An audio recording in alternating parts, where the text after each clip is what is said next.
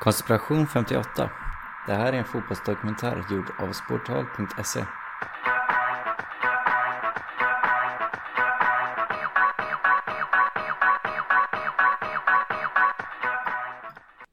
Fotbolls-VM 1958 är och kommer alltid förbli ett heligt mästerskap för oss svenskar. Utöver de fina sportsliga framgångarna så anordnas hela mästerskapet för första och enda gången i Sverige hittills. Vad skulle du egentligen säga om allt det här bara var en stor konspiration? Att Sverige inte alls anordnade fotbolls-VM den varma sommaren 1958. Att finalen mellan Sverige och Brasilien inte alls spelade på Råsunda inför 49 000 åskådare. Visst låter det helt otroligt. Men lika självklart som det är för mig och för dig att mästerskapet spelades i Sverige, lika självklart är det för föreningen KSB 58, eller Konspiration 58, att detta VMet inte alls hölls i Sverige, utan på en helt annan plats i en helt annan världsdel. Och föreningen påstår att man har bevis. Här kommer en historia om föreningen, om de människor som har vigt sina liv för att avslöja deras sanning om hur det egentligen gick till när VM 1958 spelades. Parling brant framåt till Gren. Gren tar ner den. Fint vänder han inåt nu. Ska spela vart då? Spela bakåt till Lidholm. Det var mycket som inte var det som det först såg ut som. När man lättade på det så var det många gånger som man lyfter en sten och gråsuggorna väller ut. Håller den i alla fall. Drar sig ut på högerkanten. Spelar bakåt till Börjesson igen. Börjesson tar emot den. Vickar fram den till Hamrin. Och Hamrin står och väntar nu. Jag har fått ett intryck av att det är en växande rörelse som försöker bevisa någonting som enligt vår mening är felaktigt och då, då måste vi gå till motoffensiv. Småningom först nu. Och då accelererar Hamrin. Håller bollen fortfarande och tränger chefen på. Hamrin Det finns heller inga trovärdiga vittnen som kan belägga att fotbolls-VM skulle ha ägt rum. Hamrin håller bollen i alla fall. Lekande vid två man. Vickas till och nu. Han spelar i mål! Ja! Vi börjar dock med den version som du och jag känner till som den sanna historien. Året är 1958 och Sverige står inför en av de varmaste somrarna som man har under hela århundradet. Denna sommaren skulle bli speciell för alla svenskar. Man var nämligen värd för fotbolls-VM och hela världens blickar var riktade mot just Sverige. Runt om på alla gator så pratades inte om något annat än fotboll. Och överallt kunde man knastrigt höra låten Vi hänger med på dåtidens transistorradios. Vi hänger med, vi hänger med. Av någon anledning så gör vi faktiskt det. I Sverige så visste man att man hade ett starkt landslag med sig den här gången. Exporten av de svenska spelarna till storklubbar i Italien hade tagit fart ett par år innan. Där bland annat Lennart Nacka Skoglund, Gunnar Gren och Kurt Kurre Hamrin. Nu kände man att man hade ett konkurrenskraftigt landslag som kunde brösta upp sig mot länder som Brasilien, Sovjet och Västtyskland. Något som Sverige inte hade kunnat göra på många, många år. Och visst fanns det en stor optimism bland alla i hela Sverige som nu drömde om en VM-final på hemmaplan. VM 1958 kommer i efterhand även bli historiskt då man gjorde ett stort genombrott för TV. För första gången någonsin skulle man TV-sända 11 av de totalt 32 matcherna som spelas under VM. Trots att en TV-apparat på den tiden endast var en lyxvara för överklassen så storsatsade man. TV-sändningarna såldes sedan vidare till hela 11 länder och lade grunden på hur TV-avtalen än idag fungerar. Här är det Knivsta-Sandberg som är i farten. Svenskt 1-0 blir det innan halvleken är många minuter gammal. Tack och lov. Det är nu den 8 juni och fotbolls-VM ska invigas på Råsunda. Invigningen då är inte lika glamorös som VM-invigningarna som vi känner till dem idag. Redan under första dagen så spelas inte mindre än sex olika matcher runt i sex olika svenska städer. För Sveriges del så invigdes fotbolls-VM med en match mot Mexiko. Hela läktaren var fylld med svenskar iklädda i folkdräkter som gav en nationalistisk inramning. Matchen vann Sverige betryggande med 3-0 och därmed tog man sitt första steg mot den stundande VM-finalen. Sverige fortsätter sedan att imponera i gruppspelet och man går obesegrad från den grupp som innehåller landslag från Wales, Mexiko och Ungern. Ett utmärkt mästerskap så här långt för svensk del och bättre skulle det bli. I kvartsfinalen så spelade Sverige mot Sovjet och där vann man med två mål mot noll. Det var inga tveksamheter som fanns under matchen utan det var en kontrollerad historia från början till slut. Nu börjar det brännas och nu råder det en stor hybris bland alla svenska fans. Det fullkomligt kokar fotboll i Sverige just nu. Ingen pratar om något annat. Samtidigt som den svenska publiken blir välkänd över hela världen som högljudd, lojal, passionerad.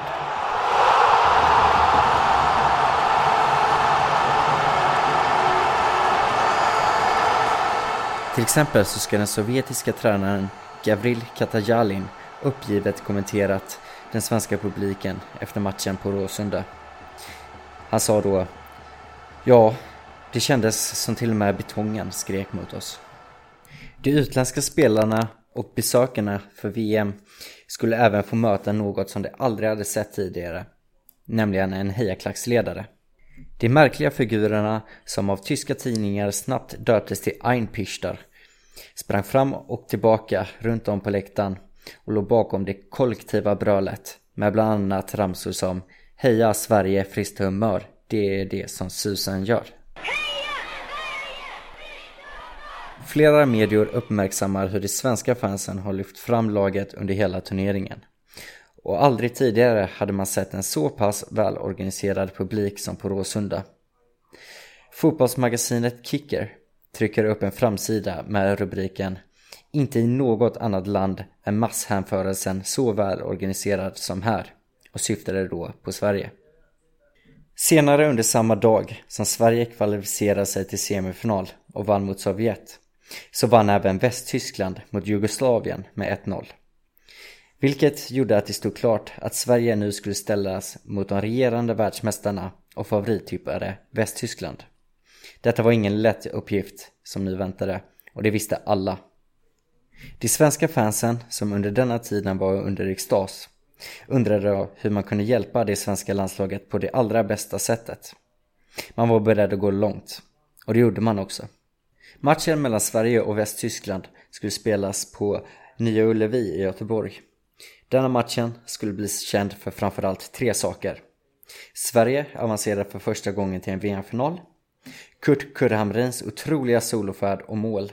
Och även ett storbråk som växte mellan Sverige och Västtyskland. Varav Kurt Hamrins mål senare skulle bli ett av bevisen som Förening Konspiration 58 lägger fram. Vi återkommer till det.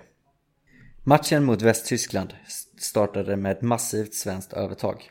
I hela 20 minuter så dominerade man matchen och skapade många fina målchanser.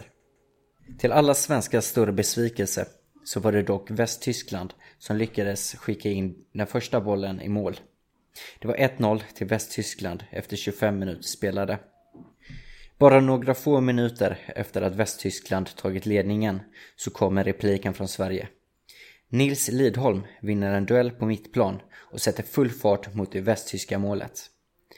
När han stöts av en försvarare så vickar han bollen åt sidan och där finns Nacka Skoglund. Den hittills kliniska målskytten gör det han är allra bäst på, nämligen att göra mål. 1-1 och Ullevi höll på att explodera. Tyska försvarare, där, där bryter emellertid Lidholm med bröstet, rusar mot mål, vittar bollen fint till Nacka. Nacka i fint läge igen, skjuter där i mål! Det oavgjorda resultatet höll sig hela vägen till halvtid. Den andra halvleken börjar precis som på samma vis som den första. Ett massivt tryck från svenskarna som såg betydligt piggare ut än vad Västtyskland gjorde. Efter endast 13 minuter in på andra halvlek så får Västtyskland ett rött kort efter en brysttackling på Kurre Hamrin. Sverige ligger nu på Västtyskland ordentligt.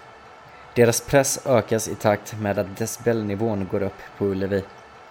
Matchklockan passerar precis den 80 matchminuten när Agnes Simonsson får bollen i ett västtyskt straffområde. Han vrider, han vänder och han slår bollen mot mål. Den fastnar på en tysk försvarare och studsar rakt ut i banan. Där möter ingen mindre än Gunnar Gren bollen och får ett ypperligt skottläge. Det blir ett stenhårt skott som går rakt emot krysset. Den tyska målvakten Fritz Harkenrath når inte upp till bollen och det blir ett drömmål av Gunnar Gren och nu är Sverige nära en final som man så drömmer om. På högerkant, Simonsson, Simonsson tvärvänder, får den för långt ifrån sig och petar den på en tysk. Men vi kommer igen nu, Gren, Gren skjuter där, gör i mål! Nej!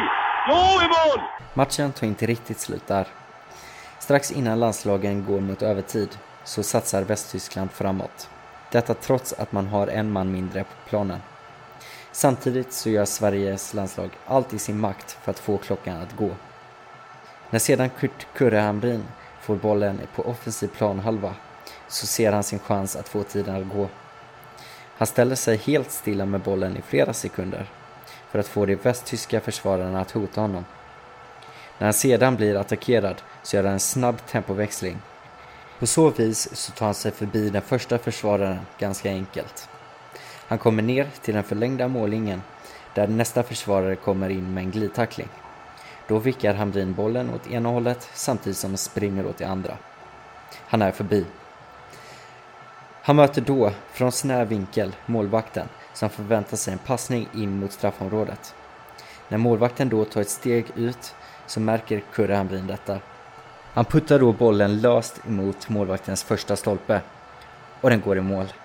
Det är en otrolig solofärd och det står 3-1 på resultattavlan. Och Sverige är i final. Tar emot den, vickar fram den till Hamrin och Hamrin står och väntar nu på att tyskarna ska anfalla honom. Går med bollen, de kommer så småningom först nu och då accelererar Hamrin, håller bollen fortfarande och tränger chefen på. Hamrin håller bollen i alla fall, lekandes förbi två man, vickar sig till och nu han spelar i mål! Ja! Oj, oj, oj, oj, oj, oj, oj. Efter matchen så kokar det fram en bitterhet hos folket i Västtyskland. Medierna som tidigare hyllat Sverige och deras otroligt välorganiserade och fantastiska publik hade nu vänt kappan totalt. Man påstod att Sverige hade ett specifikt hat gentemot Västtyskland och att det var just detta hat som gjorde publiken så pass högljudd och lyfte fram Sverige till vinst. Man menade på att man hade hört väldigt mycket hatiska rop ifrån läktaren, inte minst med nazistiska kopplingar.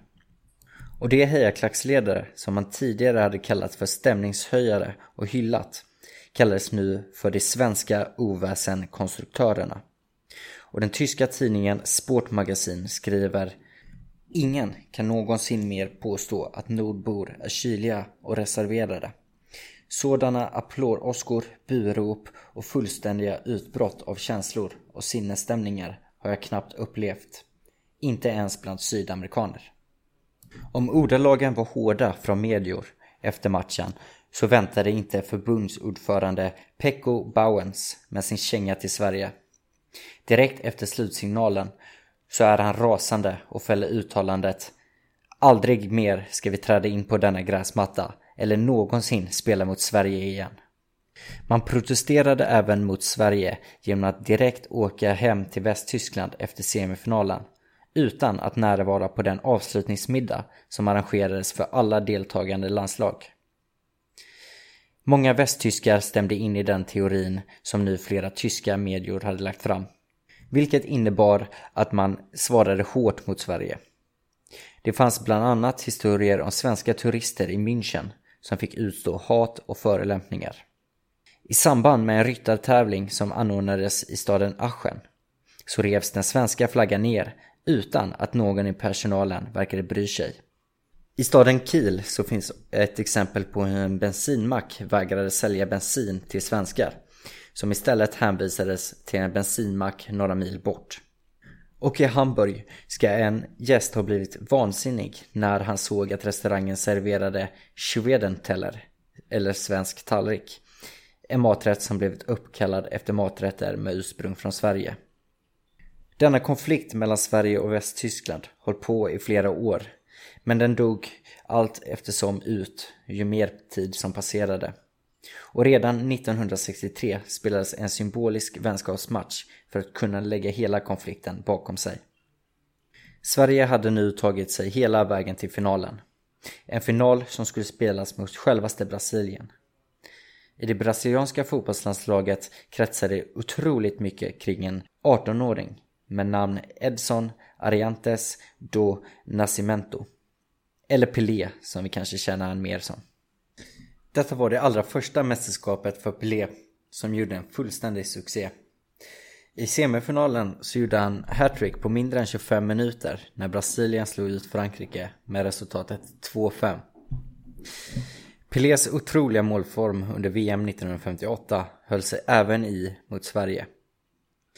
Trots att Sverige tog ledningen i finalen efter ett snabbt mål i den fjärde matchminuten så väntade en överkörning från Brasilien. Man kvitterade endast fem minuter efter Sveriges mål och utökade sedan målskörden genom att pricka in 2-1, 3-1 och även 4-1. Sverige fick sedan ett litet hopp genom att man lyckades göra 4-2 med 10 minuter kvar av VM-finalen. Det blev dessvärre inga fler svenska mål i matchen, utan istället så fastställde den unga Pelé slutresultatet 5-2 genom att göra VMs sista mål. Ja, inlägg mot Pelé och han är tvåmålsskytt. Fotbollsvärlden har fått sig en ny gunstling. 5-2 Brasilien. Besvikelsen bland de svenska fansen var påtaglig. Men trots detta så var man stolt över Sveriges landslag som tog sin bästa placering i ett världsmästerskap någonsin. Men var allting egentligen bara en bluff? Var hela mästerskapet en enda stor konspiration? Och i så fall varför? Här kommer vi nu följa föreningen Konspiration 58 och försöka förstå deras argument som de vill upplysa en hel värld om. Eh, detta VM 58 var egentligen ett gigantiskt luftslott iscensatt av amerikanska underrättelsetjänsten, Fifa och tv-industrin. Det var ett led i kalla kriget som rasade just då. Och Amerika behövde testa TVs eh, förmåga att påverka folk. Den person som vi fick höra nu är ingen mindre än Bror Jacques Devane, grundare av Konspiration 58. Han kanske är den person som har gått allra längst för att bevisa sanningen om VM 1958. Bror Jacques Devane deltog i en dokumentärfilm som skapades av Johan Löfstedt och sändes på SVT den 29 maj 2002. Där får han i lugn och ro gå igenom sina argument.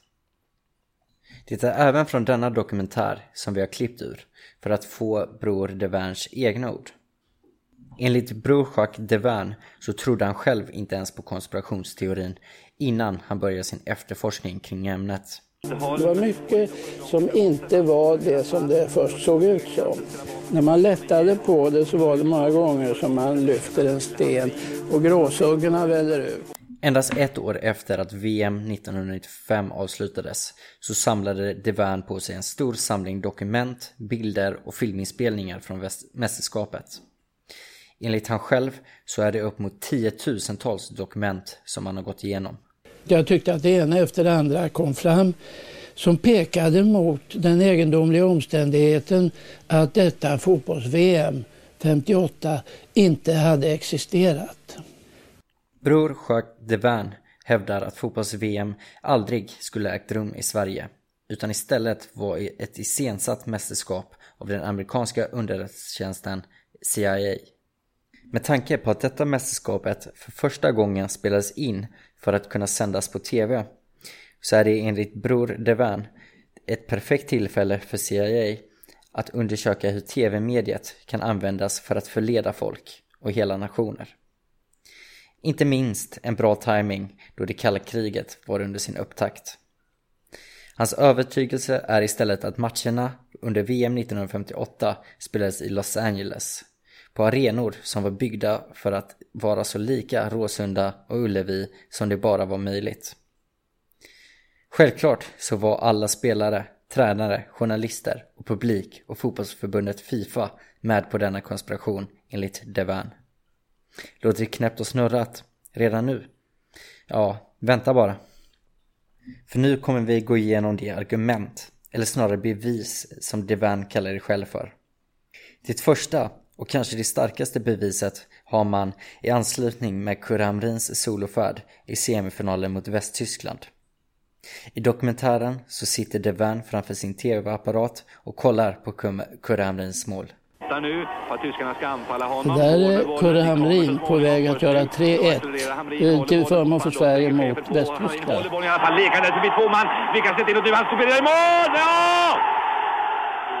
När kameran sedan zoomar ut från spelsituationen upp på den lyriska läktaren så stoppar DeVern hans filmklipp bestämt. Han tar sedan sin hand och pekar upp mot arenans östra del. Där i bakgrunden ligger det två stora höghuskomplex i bakgrunden. Det finns inte några sådana byggnader i Sverige och i all synnerhet inte i Göteborg. Då hittade jag byggnaderna här, här och här. Där, den ligger där borta.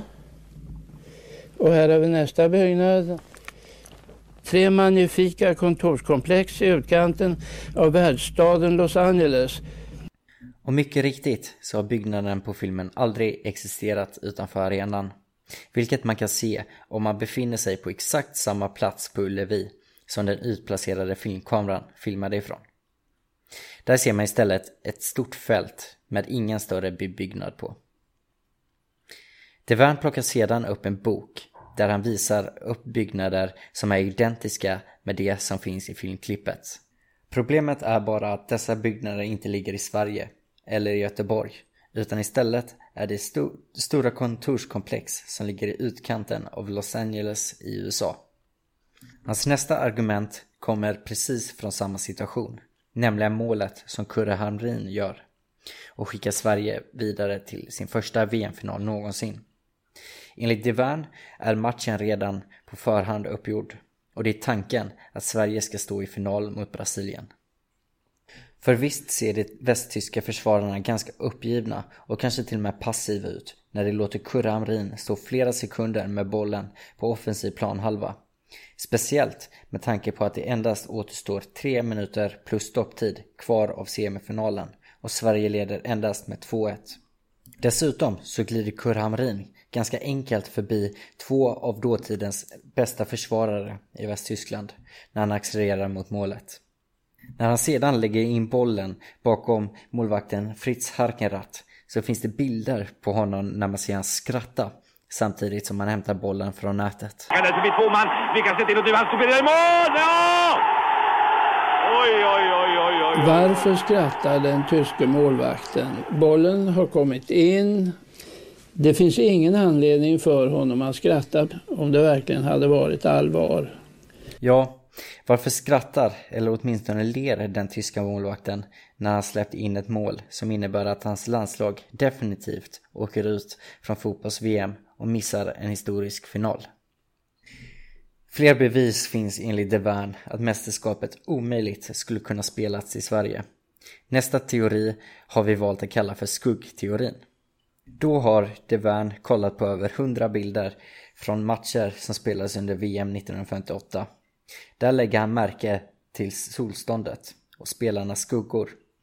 Sedan har han jämfört dessa skuggor med meteorolograpporter från sommaren 1958. Nu har vi återigen Devern. Samtidigt som han säger detta så står han på sin balkong för att se hur solen står för att sedan gå in och jämföra med sina bilder. Det hus som står till vänster om Råsunda stadion. Det är söder om den. Nu har jag precis var den står och så går vi in och prickar in den. Så. Den står där över och då pekar jag ut den här, 14.30. Jag har forskat ganska hårt. Jag har ställt mig på olika sidor om Råsunda stadion och jag har prickat in solen varje kvart. Sen har jag jämfört med olika bilder, hundratals bilder från matcherna och studerat hur skuggorna har fallit. Och de kan inte vara spelade här i Sverige. Problemet med skuggorna är att det inte bara ligger i fel riktning. Enligt Devern är även skuggorna inte i rätt storlek. Med tanke på vilken vändkrets man korsar så bör skuggorna bli längre respektive kortare. Här hör vi återigen Devern spekulera bland skuggorna. Nere vid vänkretsarna, norra väntkretsen, så måste skuggorna ha varit kortare, vilket de också var här på vissa ställen. Och sen senare, så när, om vi tänker oss i Sverige, så var skuggorna längre. Jag började då att undersöka på kartorna var detta kunde ha ägt rum. Jag började med norra Afrika, norra Sahara. Det är ganska otänkbart att det skulle ha ägt rum där. Eh, vi fortsätter över Atlanten och då kommer vi till västra Nordamerika. Och där stämmer det hela och även med de ekonomiska resurserna som de måste ha haft. Kanske hade bror Jacques Devin bara hållit spekulationerna för sig själv om man nu inte hade kommit i kontakt med andra människor som hade uppmärksammat en hel del saker som inte verkade stå rätt till under VM 1958. Ett år efter som VM 1958 var avgjort så hade han haft mycket kontakt med personer som påstod precis samma saker som han själv. Därför valde han 1959 att skapa rörelsen KSP 58. Detta för att ge folket en upprättelse i hur mästerskapet egentligen hade gått till. Han blev därmed den första ordföranden i föreningen och satt i den positionen i hela 14 år. Jag grundade Konspiration 58 därför att jag märkte att jag var inte ensam om de här åsikterna. Jag satt som ordförande i 14 år, fram till 1972. I början beskrevs Konspiration 58 som en militant grupp som försökte på ett rebelliskt vis sprida sitt budskap och sin sanning. Det får bland annat Sigge Parling, försvarare för VM-laget 58, känna på. Efter Sigge Parlings fotbollskarriär så levde han ett tillbakadraget liv på sin gård i Gästrikland. Där vaknar han mitt i natten och märker hur en bil kör in på hans till synes ödsliga gård. Jag tror det var 83. Jag ser en bil försvinna från tomten och funderar vad det var. Och så när jag går ner till stallet så är det sprayat på, på ladväggen. KSP 58. Och jag funderar vad det är frågan om. Och när jag kom ner till hästarna så är en av hästarna också sprayade på sidan med KSP 58. Deras aktioner slutar inte där. Man höll under 80-talet på med flera projekt för att hota inblandade eller dra uppmärksamhet till sin förening. Här hör vi psykoanalytikern Thomas Böhm om föreningens ökade aktivitet. Mer militant och uh, gjorde olika aktioner som uh, till exempel att man skickade hotbrev till människor eller man skickade till och med brevbomber. Man uh, gjorde attentat mot fotbollsplaner. Här hör vi även den tidigare svenska Uefa-presidenten Lennart Johansson som även han utsattes av hot. Då föreningen menar på att han måste veta sanningen som det påstår finns kring VM 1958. Det var brev som förmodades innehålla brevbomber, det var, det var eh, telefonsamtal, det var vakt av poliser i trädgården, jag kunde inte åka i egen bil. Man eh, fick ju då tillvitelser via telefon eller brevledes att man skulle inte leva längre. Efter hela 14 år som ordförande så lämnade DeVern ordförandeposten i KSB 58. Den nya efterträdaren blev Olof Arnell. Mycket stod länge still under 80 och 90-talet trots att man gjorde aktioner mot tidigare spelare. Däremot fick rörelsen ett uppsving när man startade en hemsida. Då påstår Olof Arnell att deras förening återigen fick ett stort intresse runt om i hela världen och föreningens medlemsantal ökade explosionsartat. Det hjälpte även andra liknande organisationer att startas upp i länder som Brasilien, Italien och Tyskland. Ja, framtiden ligger ju mycket på internet och du har ju redan sett vår hemsida som vi färdigställde här i höstas. Den har också gjort att vi har fått kontakt med nya människor ute i Sverige och i Europa. Det har bildats nya lokalföreningar och medlemsantalet har ökat väldigt mycket kan jag säga.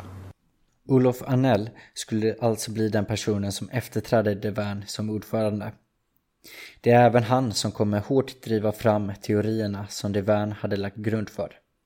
Han skulle även tillföra några egna så kallade bevis. Olof Arnell skulle nämligen, likt Devin, gå igenom mängder av bilder och dokument från fotbolls-VM 1958. Där kommer han återigen hitta en byggnad i bakgrunden som inte kan finnas i anknytning till Råsunda.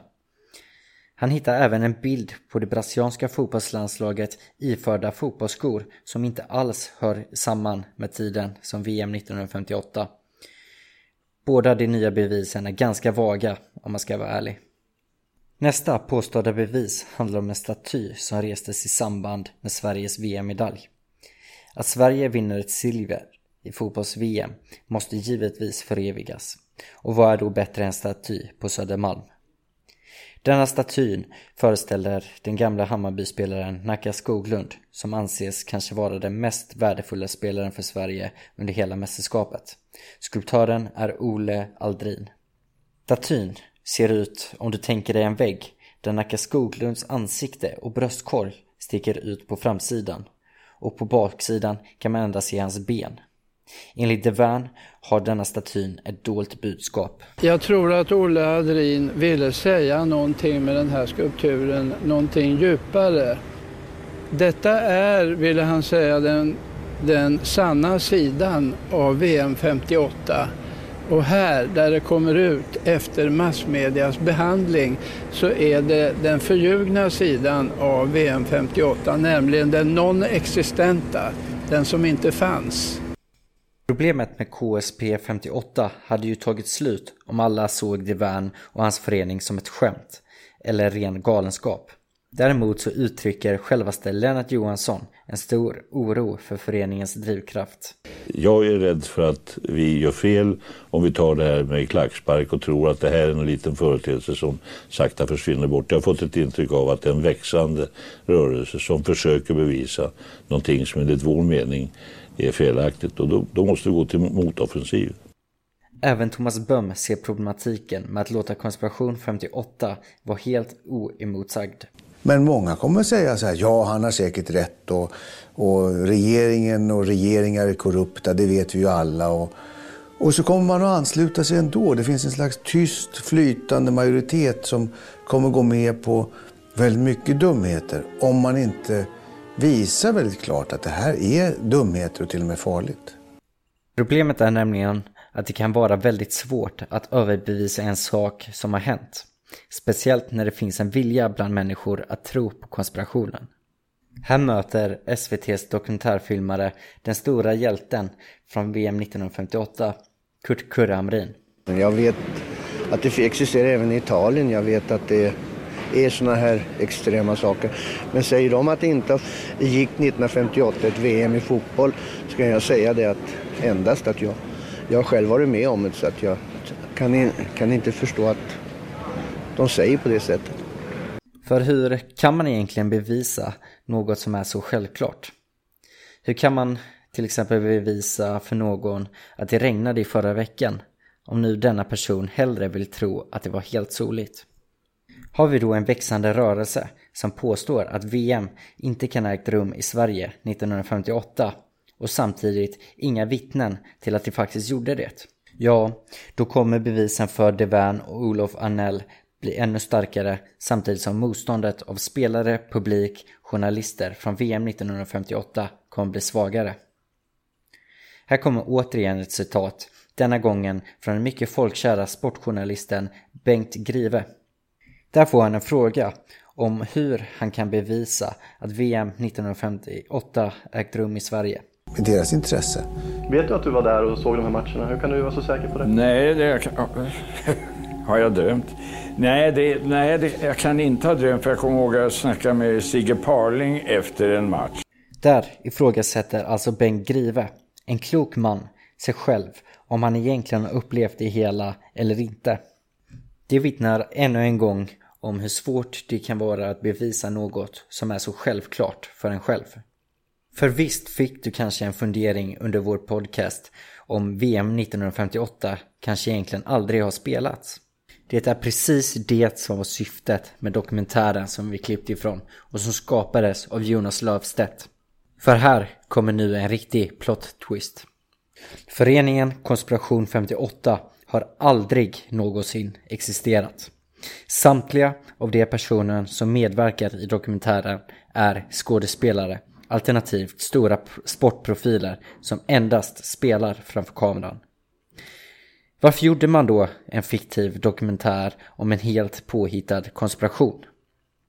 Jo, för att visa det svenska folket hur svårt det kan vara att skilja på sanning och lögn om det finns en stor vilja att missuppfatta eller till och med en vilja att det ska vara på ett annat vis än vad man tidigare har trott. Det finns nämligen många exempel på konspirationsteorier som har uppstått på just det här viset. För att bara ta några kända exempel så är månlandningen och förnekelsen och förintelsen två utav dem. Där finns det stora bevis på att dessa händelser har skett. Trots detta så är det folk som hellre vill se en annan och mer spännande sanning. När Jonas Lövstedt väl sjösatte sin påhittade konspirationsteori och fick sändningstid på självaste SVT den 29 maj 2002 då var det många svenskar som gick på detta. Det var beviset på hur enkelt man kan vilseleda människor med en välgjord dokumentärfilm och många argument av varierande trovärdighet som skulle kunna läggas ihop till en hel sanning. Hela poängen med Jonas Löfstedts dokumentär var att få den absolut konstigaste och mest snurriga konspirationsteorin att verka trovärdig. Så hur lyckades han egentligen att få så många till synes kloka svenskar att svälja hela denna lögnen? Jo, först och främst tar han hjälp av SVT. Det är en mycket trovärdig tv-kanal som många i Sverige har högt förtroende för. Utöver hjälp från SVT så lät man sig även skapa en helt autentisk hemsida som fortsatte vilseleda kritiker som sökte information på internet. För det andra så var det viktigt att få fram stora profiler i filmen, såsom Lennart Johansson, Bengt Grive och Kurre Amrin. Vilket är så pass folkkära personer som ingen har någon anledning att betvivla. Trots att dessa profiler i denna dokumentärfilm säger emot konspirationsteorin som läggs fram så var det viktigt för Jonas Löfstedt att få fram profilerna för att skapa en generell trovärdighet kring filmen. Dessutom så manipulerar man bilderna som DeVern använder sig av för att lägga fram sina bevis. Trots att det är väldigt lite man behöver lägga till på bilderna så är det något vi känner till kan lura väldigt många människor. Resultatet utav det här var att Jonas Löfstedt lyckades med sitt uppdrag. Nämligen att ta ett helt absurt påstående som att VM 1958 aldrig ägde rum. Detta för att sedan bevisa hur enkelt det är att vilseleda en hel folkgrupp. Ett av de mer primära målen för Jonas Löfstedt var att kunna förlöjliga och tillrättavisa det som inbillar sig att förintelsen aldrig ägt rum. Detta var fotbollsdokumentären Konspiration 58 gjord av sportal.se. Mitt namn är Glenn Andreasen Axdal.